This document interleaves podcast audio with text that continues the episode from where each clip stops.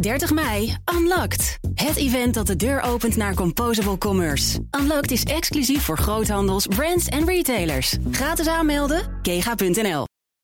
Steeds meer mensen bouwen graag zelf hun huis. De Rijksdienst Ondernemend Nederland meldde onlangs dat 11% van de nieuw gebouwde huizen een zelfbouwhuis betreft. De vraag is natuurlijk of dat een ideale woning oplevert. In Bouwmeesters vandaag gaat het over geluk en gezondheid. En dat bespreek ik met Fred Schorel. Hij is directeur van de branchevereniging Nederlandse Architectenbureaus. En Angelique Bellemakers, districtsmanager Strijp bij Woonbedrijf Eindhoven. Ja, Fred, 11% een zelfbouwhuis. Wat denk je, komt dat nou voort uit ambitie van die bewoners? Of is het onvrede met het, uh, met het aanbod? Nou, misschien is het wel uh, allebei. Maar, uh, want het is heel in de geest van de tijd dat je zelf initiatief neemt. Hè. Dat is tijdens de crisis ook zeker ontstaan. Omdat nou ja, niemand meer bouwt. En als je dan nog iets wil, dan moet je het zelf doen. Het is ook goedkoper over het algemeen. Hè. Dus je kunt ook uh, makkelijker iets moois maken. Je droom realiseren is het helemaal zelf. Uh, Gewoon een kaveltje kopen. Ja, kaveltje En je droomhuis erop en zetten. je droomhuis erop zetten. En dan natuurlijk uh, ja, tussen droom en daad. die daad moet ook nog even gebeuren. Dus het is vaak nog wel ingewikkeld. Maar je ziet het steeds meer. Ik denk dat dat een deel van de markt is en blijft. Maar dat dat nooit de hele markt zal zijn. Nee, dus die 89% die nog altijd gewoon uit het, uit het bestaande aanbod put. Dat, is, uh, ja. dat, dat, blijft wel ongeveer zo. Ja, daar gaan geen spectaculaire moves in plaatsvinden. Dat we ineens 50% zelfbouw krijgen. Ja. Helaas, Adrie Duivenstein, het gaat niet gebeuren. nou, nou, zijn jullie met, uh, met de branchevereniging een campagne gestart over de sociale impact van architectuur. Feitelijk heb je, heb je daar misschien ook wel over als je kijkt naar mensen die zelf hun, hun huis bouwen. Ja. Dat is ook uit onvrede met de huidige bouwpraktijk uh, ergens. Hè? Want, waar gaat het mis als je, als je kijkt naar de huidige bouwpraktijk? Nou ja, kijk, wat wij zien is, en wij hebben dat geframed even met uh, de, de hashtag gebouwd geluk. Hè, wat wij Mhm. mm -hmm. zien. Waar we het doen met z'n, waarvoor we het doen met z'n allen in de bouw. Is uiteindelijk dat je wil dat de mensen die onze gebouwen gebruiken. gelukkiger worden. Hè. Mhm. Mm -hmm. En dat kan zijn gezonder, beter, dat ze beter leren, et cetera. En uh, we weten allemaal uit de praktijk dat het heel vaak uh, dan niet uh, de eerste is waar alle bouwers aan denken. maar dat het gebouwd geld is. Van vierkante meters en er moet iets uitkomen. Wij dachten tijdens die crisis. Gewoon winstbejag. Winstbejag. En dat is niet ongezond, maar niet het enige. Als je echt wil vanuit je vak dat mensen gelukkiger worden, dan zouden we met z'n allen ons meer moeten verdiepen in die eindgebruiker, in die mm. consument. Met hen serie, ons serieus in hen verdiepen. En daarmee niet hen gelukkiger maken, maar wel de condities voor het geluk. Maar een, ge een, gelukkig gebouw, om het zo maar even te noemen, ja. lijkt mij ook een succesvoller gebouw. Ook als investering misschien wel. Zeker. Nou, dus het is ook niet voor niks uh, dat, uh, laat ik zeggen, ook beleggers en andere partijen zich hiervoor interesseren. Omdat uh, ja, een gebouw wat de tand destijds doorstaat en tot grote tevredenheid leidt, dat leidt natuurlijk tot opwaartse druk uh, voor wat betreft de prijzen. Dus zeker, het is verstandig om het te doen. Maar even los van die financiële component, waar je mm. volledig gelijk in hebt, denken wij dat het meer principiële voorkant van het verhaal is. Waarvoor doen we dat nou eigenlijk?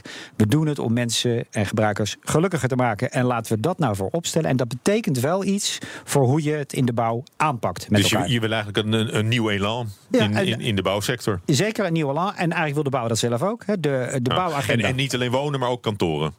Uiteraard. Dus kantoren, utiliteit, uh, ziekenhuizen, schoolcomplexen, noem het maar op. Al die typen van gebouwen, wij noemen dat wel eens stimulerende omgevingen. Daar kan je beter, uh, sneller beter mm. van worden, kan je beter van leren en misschien prettiger werken. Ja, Angelique, herken je dat? Want ook, ook woningbouwcorporaties hebben hier misschien wel een negatieve rol gespeeld in de afgelopen uh, decennia. In tijden van woningnood vooral heel veel huizen te bouwen. Nou, dan, dan uh, ja, er moet gewoon snel gebouwd worden om aan de vraag te voldoen. En, en door, die, door dat tempo komt misschien ook zeg maar, dat, dat elan wel een beetje in het, op de tweede plaats. Nou, dat, dat weet ik niet. Natuurlijk is er ook door de woningcorporaties hè, in tijden zeker na de oorlog uh, snel gebouwd. Maar het is niet zo dat wij bouwen om mensen gelukkig te maken. Een woning is een voorwaarde voor uh, geluk. Maar we hebben niet Eerst de maar ambitie. een dak boven je hoofd. Nou ja, dat klopt. Het draagt bij. Maar ik denk als je zegt, uh, we hebben de ambitie om mensen gelukkig te maken. Dat vind ik nog wel wat. En wat zou je dan ook nog zijn als je ja. ongelukkig uh, bent?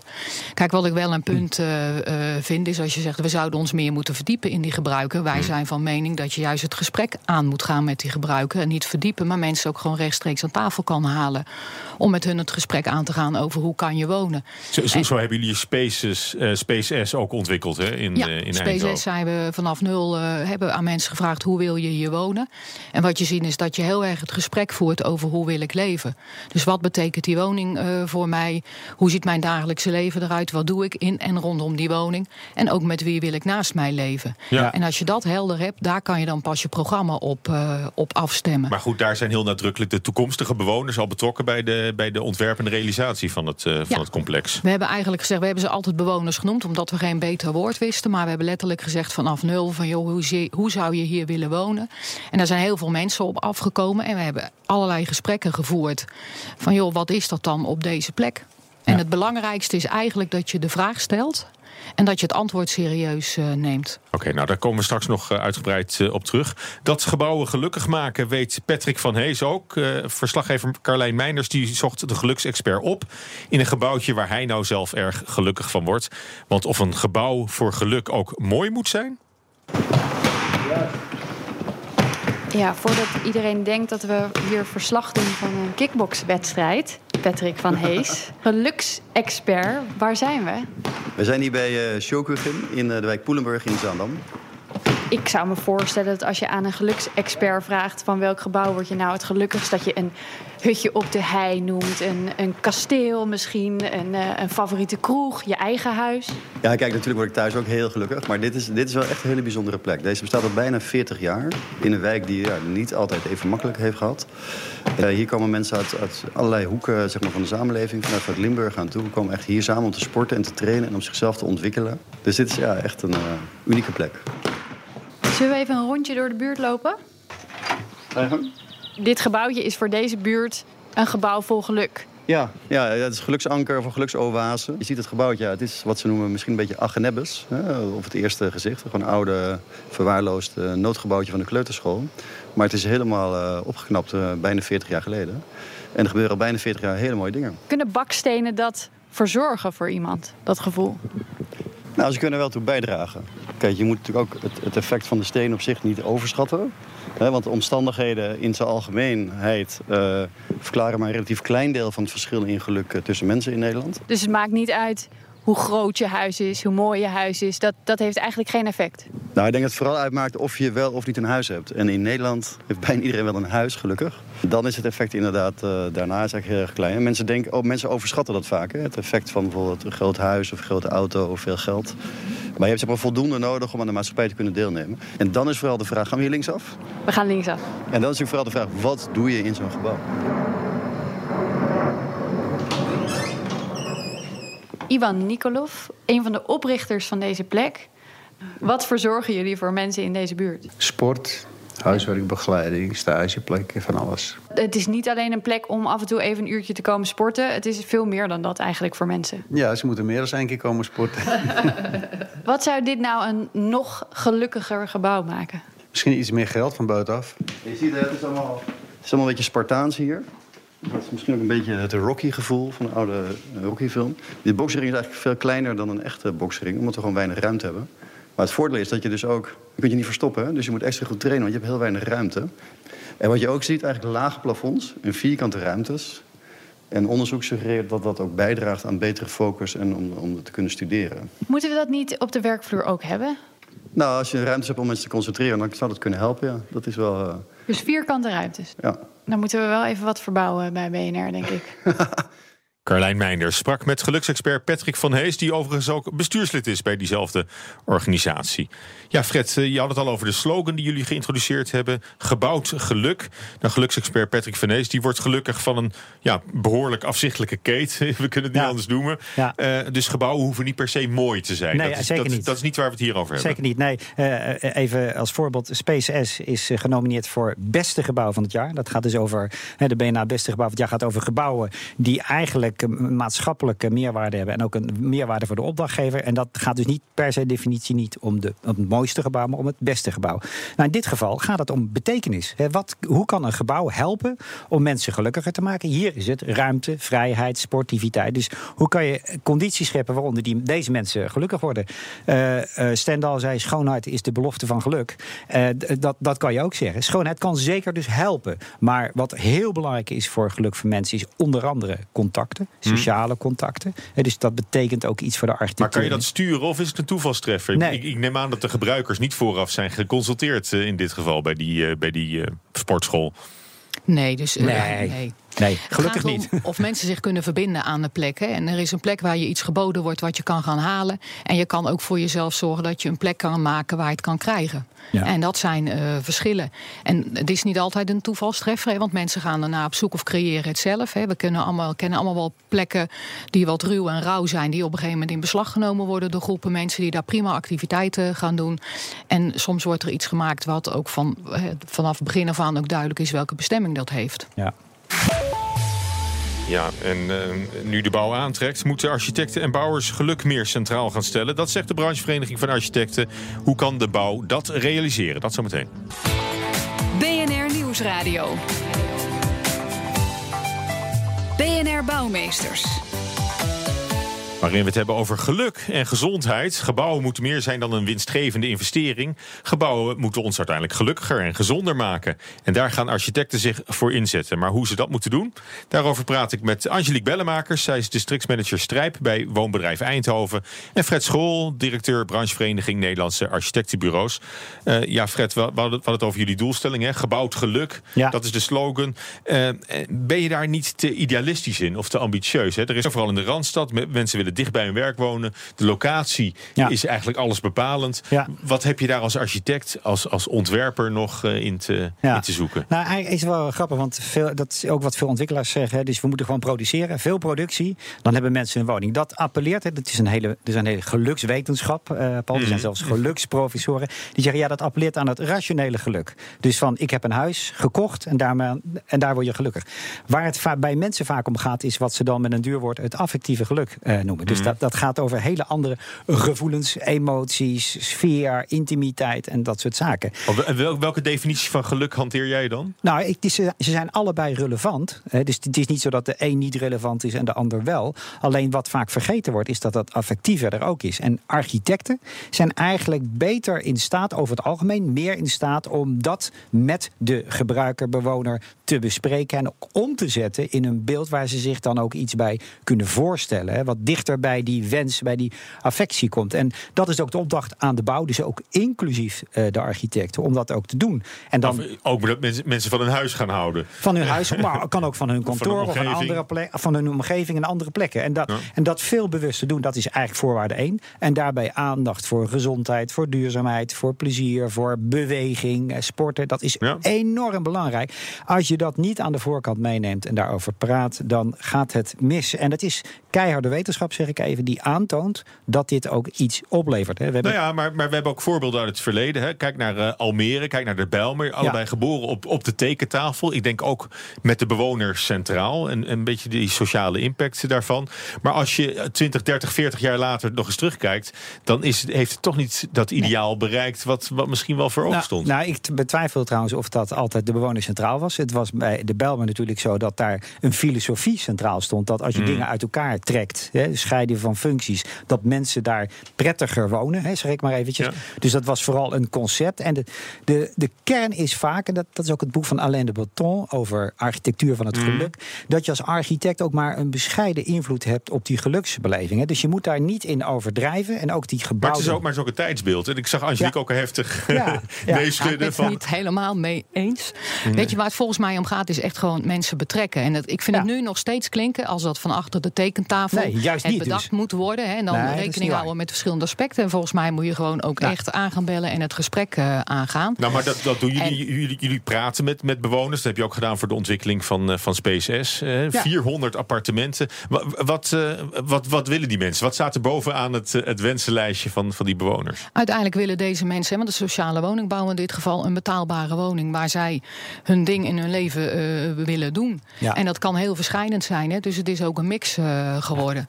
En maar jullie zeiden net iets over het tijdsaspect. Hè, en het praten met bewoners en ze betrekken eh, levert bijvoorbeeld helemaal geen vertraging op. Sterker nog, het proces is misschien nog wel Ja. sneller gedaan Ja. dan in een reguliere Maar dat proces. is ook omdat jullie iets anders goed gedaan hebben. En dat gaat, Angelique, je doet jezelf tekort veel verder dan de betaalbare woning. En dat is namelijk dat het ook gaat over sociale contacten, over goede voorzieningen, Ja. over schoon en veilig. Maar maar je, je kan, je kan er nog zo lang over praten met de toekomstige bewoners en ook groepen bij elkaar brengen. Je hebt natuurlijk niet in de hand of je straks een, eh, een dronken buurman hebt eh, boven Ja, precies. je. Ja, maar daar Of, gaat het eh, helemaal niet om. Want uiteindelijk, kijk, wat je doet is, wat ik mooi vind, is dat we hebben laten zien dat het ook in de sociale woningbouw kan. Ja. Dat het ook op deze schaal kan. En wat je uiteindelijk maakt is een buurt voordat je één steen gestapeld hebt. En het gaat om 400 woningen. En wat mij het meeste frappeerde is dat mensen eigenlijk zeiden van joh, ik wil gewoon naast iemand wonen. eh, en ik wil daarbij niet zelf al van tevoren kiezen of het een student moet zijn of iemand die ouder is. Dus we willen gewoon een mix. En dat is wel anders dan dat wij zelf misschien ook wel gedacht En, hadden. en daar waren al die 400 appartementen het wel over eens? Dat, Nou, eh, het is niet zo dat je exact van begin af aan weet wie in welk appartement komt te wonen. Maar wat je aan mensen vraagt: van, joh, als je daar nou woont, kijk eens naar je buurman, wie zou dat moeten zijn? En op een gegeven moment zei iemand letterlijk: joh, ik wil niet bepalen of mijn buurman jong of oud is. Ik wil gewoon een leuke buurman eh, hebben. Ja. En die mix is wel heel erg mooi geworden. Maar, maar, maar hoe nieuw is het eigenlijk om te gaan praten vooraf met de toekomstige bewoners? ik dat denk dat het, eigenlijk- dat eigenlijk het heel raar om te op moeten deze, vaststellen dat op dat- dat deze dat niet manier, op deze schaal. Eh, is dat wel uniek? Ja. Want we hebben natuurlijk van tevoren zijn we echt wel ook in het land gaan kijken van joh, welke andere projecten zijn er dan? Hoe ziet dat eruit? En ik denk dat je uiteindelijk je hebt twee dingen nodig. Dat is moed en loslaten. Ja. Loslaten Dus- niet laten. Ja, ik, ik, ik heb wel een, eh, toch wel een aanvulling daarop. Want eh, we zijn echt van de inspraak van vroeger. Hè, dat er iets was en dan kon je op inspreken. Nu naar samen iets maken. Dat is toch echt wel iets anders. En dat is precies wat ze bij SpaceS doen. Dus dat is wat mij betreft een volgend stadium van betrekken. Dat is niet alleen inspreken, je mag iets zeggen. Maar gewoon mede bepalen, Ja. mede sturen. En dat is natuurlijk waar het in dit geval om draait. Maar op deze schaal, hoe organiseer je dat dan praktisch? Eh, gingen jullie, eh, belegden jullie grote groepsbijeenkomsten Nee, met, met een koffie, erbij? Of, nee, eh? we zijn begonnen letterlijk hè, met een Facebook-pagina. Facebook, ja. Eigenlijk twee manieren: Facebook, maar ook daarnaast gewoon altijd Oh, dus we kunnen nu eigenlijk veel meer dan, eh, dan vroeger. Je kan, een Dankzij andere, Facebook. je kan een andere groep eh, bereiken en de groep levert ook op een andere manier input, maar het zijn beide. Het is zowel offline als online. Dus wat je ook gaat doen is bijeenkomsten organiseren die mensen samenbrengen en gewoon samen aan het werk Ja. gaat. En in dit geval hebben we ook een architect eh, nodig die, en je moet ook dingen verbeelden. Hè, dus zo'n architect, Hmm. ik zeg wel eens, je moet ook je ego aan de kant zetten. Hè, ook in staat zijn om te luisteren en door te vragen en dan op een gegeven moment ook terug te geven, is dit wat jullie bedoelen?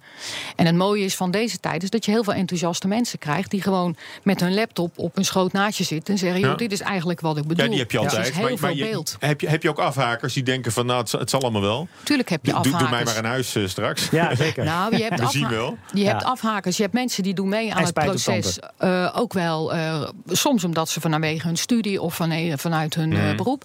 Maar het is niet zo dat iedereen die daar nu woont van het begin af aan Nee. betrokken is. Ja. Dus mensen gaan ook weg omdat ze ergens anders werk krijgen, omdat ze gaan scheiden, ja. omdat ze gaan samenwonen.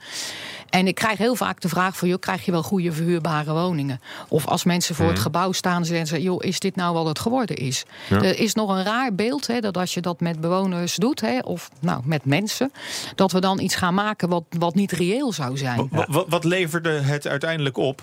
Wat er anders niet geweest was? Uiteindelijk eh, er waren eerst twee aan één gesloten bouwblokken volgens het stedenbouwkundig plan. Mensen hebben ervoor geko- gekozen voor zeven blokken met verschillende typen plaats van woningen. twee? Ja. Ja. En er was is een Anders waren twee binnengebied. veel hogere torens Ja, eh, geworden. en er is een ja. binnengebied eh, ontstaan, er zijn daktuinen ontstaan. Hè, dus de zijn gemeenschappelijke is gekomen. ruimtes eh, ontstaan. We hebben eigenlijk met elkaar een DNA bepaald. En mensen zeiden, joh, ik wil alleen, maar ik wil vooral ook iets samen. Het is stedelijk en het is groen. Ja. En het moet flexibel zijn en er Ja. is een kader. Ja. Dus er zijn echt wel wezenlijk andere dingen ontstaan. En En, dit en, en toch, als, als ik je dat hoor zeggen, van dit is wat mensen ongeveer wilden, voor zich zagen, dan denk ik van ja, dat had ik ook wel kunnen bedenken. Want voor mij Ja, maar willen dat we is nou allemaal precies- wel zo'n beetje hetzelfde. Maar dat is nou precies waar ik last van heb. Hè? dat we altijd denken dat we het ook hadden kunnen bedenken. Ja, dat is de wiskundeopgave die je achteraf ziet. Ja. En denk je, oh, zo simpel was dit. Ja, maar nee dus. waarom doe, en het proces is met veel meer energie. En je krijgt, hè, je moet je ook voorstellen, het was op een gegeven moment ook een lege plek. Dat op een gegeven moment een aantal mensen zeiden in de zomer: het is mooi weer, ik ga hier vannacht eh, slapen en kamperen. En dan kan je zeggen: ja, joh, dat ziet er een beetje uit als eh, nou, een of andere bende. Wat is daar de meerwaarde van? Maar wat je dus bouwt is een buurt. En op het moment dat mensen er gaan wonen, kennen ze elkaar. En is er nooit het eens heeft een op voorhand al meer ziel dan het anders ja, zou, het zou heeft, hebben. en, en dan wat ik nog een ander belangrijk punt eh, vind. Is we hebben eigenlijk een merk gemaakt. SpaceX is een merk geworden. En dat is nooit onze opzet geweest. Maar het feit dat je een merk maakt, helpt dat mensen het herkennen. Nou, met een positieve lading. Want, de Belmer, Almere is als dus je ook nou een merk. Ja, de nieuwe Belmer heeft ook een positieve lading. Ja. Hè? Dus, er Ja, is iets bij de Bel- Belmer gebeurd... waardoor je een volgende step, eh, stap maakt in Ja. dat eh. En, en nu, nu hebben we het over, over, over woningen. Ik, ik vroeg je al eerder, eh, Fred, eh, over eh, kantoren, de werkplek. Daar gaat het, eh, gaat het eigenlijk ook, eh, ook om. Hoe, hoe maken we van een werkplek een gelukkige werkplek? Nou Op de eh, tekentafel. Ja, nou ja, op de tekentafel is eigenlijk wat Angelique zegt is wel terecht. Die tekentafel is eigenlijk secundair. Het is vooral het gesprek met de gebruiker. Als je nou bijvoorbeeld neemt het onderzoek van het Nederlands Instituut voor Ecologie. Daar werken een heleboel mensen. Maar, in maar het is eigenlijk nogmaals hoor, het is eigenlijk raar dat we het erover moeten hebben. Ja. Dat de gebruiker bepaalt hoe, hoe, die, hoe die wil wonen of werken. Ja, het is raar, maar het is een discussie die al tientallen jaren gevoerd wordt. En waar het veel met de mond beleden wordt. En in de praktijk weinig wordt toegepast. Omdat Ja. het toch makkelijker is om het gewoon toch maar uit te rollen. En ach, de mensen willen gewoon een, eh, een twee onder één kapper Ja. met een tuintje Ja. en een, eh, en een En, blokkerschuurtje. en wie verwijt je dat? De bouwers? Ja, weet je, het is een beetje kinderachtig om dat alleen de bouwers te verwijten. Ik Maar denk toch. dat het, in de, als ik nou zeg in de bouw, ja, is het automatisme. Is de eerste reflex, dit willen mensen de stad bouwen, want we hoeven niet meer te vragen. En ons pleidooi is, laten we ons nou echt verdiepen in die mensen. Laten we nou echt dat gesprek aangaan met die mensen die in een kantoor Ja. moeten, op een werkplek of in een ziekenhuis. Hè. Hoe word je nou beter? Met groen bijvoorbeeld, blijkt heel veel invloed te hebben. dus En- het kan wel. Hè. En Dus- het zijn andere waarden toekennen. Hè? Wat Ja. jij net ook eh, zei, is niet alleen kijken naar die financiële waarden. Nee. Maar als je een groot aantal bouwt, dat je ook een plek in de stad wil die ook Ja. past in de context van die Ja, stad. zeker. En dat die al opgenomen wordt. En dat is niet financieel, maar dat is dus ook omwonenden betrekken. Mensen die er al wonen, die die plek al kennen. Ja. Dus dan krijg je ook iets wat veel meer thuis hoort in die omgeving. In plaats dat je gewoon een blok Ja. woningen torpedeert in Ja. een stukje Maar we stad. hebben het ook al even gehad over het, het ego van de architect. Zeker. Is een architect een kunstenaar die alleen maar zijn, zijn ideaalbeeld wil verwezenlijken? Ja. Of is hij iemand die eh, in opdracht eh, Het is een professional die je nodig hebt en die goed naar mensen kan luisteren. en dat ingenieur, een kan techneut verbeelden. eigenlijk meer? Nee, geen Nee. techneut. Als je goed naar mensen kunt luisteren, ben je niet per definitie een techneut, volgens mij, Paul. Nee, dat, eh, dat, dat eh, is een groot, eh, groot verschil. Ja, nee, dus dat, eh, die houden we erin. Goed, dus Angelique, vanaf nu doen jullie alle projecten zoals SpaceS. Wij zeggen, ik zeg niet dat wij alle projecten volgens eh, de methode van SpaceS eh, doen. Wat wij wel doen, is wel altijd met mensen het gesprek aangaan. En of het nou over een groter geheel is vanaf, vanaf nul. Of bewijzen van over de inrichting van de binnentrein eh, bij een seniorencomplex.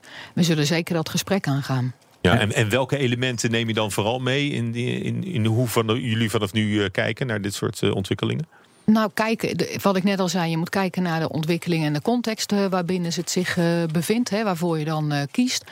Maar de belangrijkste tool is uiteindelijk het gesprek en luisteren en dat kunnen verbeelden en teruggeven.